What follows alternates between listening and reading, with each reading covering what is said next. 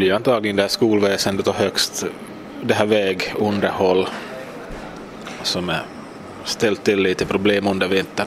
Du har själv barn i, i skolåldern och i Pedersöre så har man ju försökt hålla skolorna igång i alla byar. Hur ser du på framtiden i, ur det här perspektivet? Finns det möjlighet till det?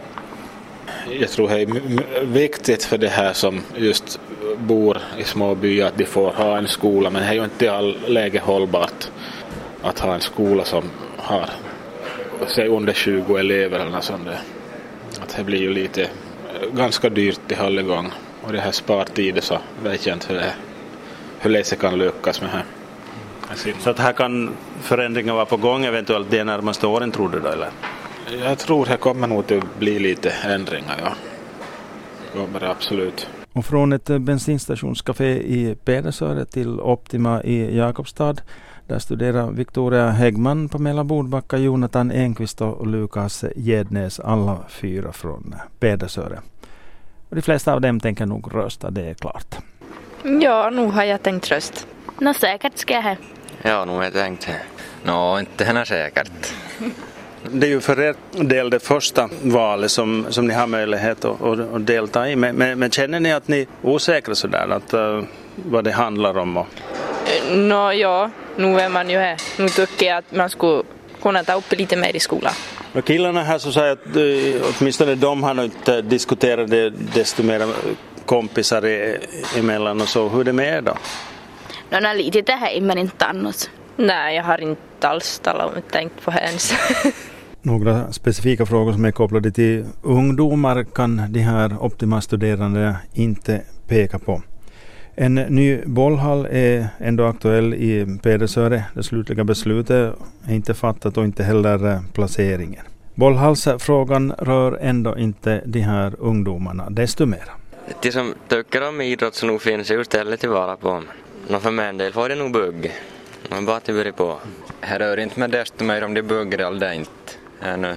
Jag har inte själv ja. Nu får de bugga men inte kommer jag till varje.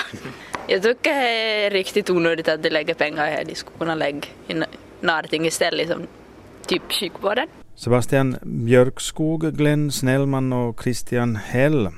Alla tre från Pedersöre sällar sig också till sällskapet. Och alla tre är tillräckligt gamla för att få rösta. Men kommunalvalet 2017 verkar inte riktigt ha största prioritet.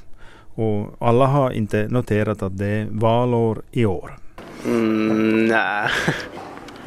ja, nog är vi står nu i alla fall. Jag har inte alls tänkt på det förrän nu. Ni alla tre det läget då att ni, ni eh, har åldern inne så att ni kan rösta i, i det här valet. Tänker ni göra det? Ja, nu har jag tänkt ut det nu. Ja. Jag har inte direkt tänkt på att jag har rösträtt sådär men jag tänker nog rösta så, jo. Nå, I er ålder, om man tar så här spontant bara, frågor som ni upplever som, som viktiga för er och som man inom eh, kommunalpolitiken borde syssla med, kanske ändra, förändra. Är det, är det någonting som ni kommer att, att tänka på direkt, saker som kunde skötas annorlunda och bättre i Pedersöre? No, klart man tänk, kommer tänka på det, man tänker lite på det hela tiden men man kanske inte är så jättefullt insatt i det när det, man har själv mycket upp men man vill ju förstås göra förändring. Kring vad då? No, princip lite allt. Jag tänker ju mest på skolan eftersom jag är själv studerande och vill att, att studerande ska få det bästa utav allt för det är vi som är Finlands framtid och som kommer göra förändring. Så det är skolan som jag tänker mest på. Förstås såklart hälsovård och uh, omhändertagning av äldre folk också. Hur är med båda andra? No, han sa ju det mesta som man tänker på i alla fall så det är inte vad mer jag ska säga riktigt men det är nog som det mesta som han sa i alla fall. Så man är ju själv studerande och så. Men man tänker mycket på skolan så det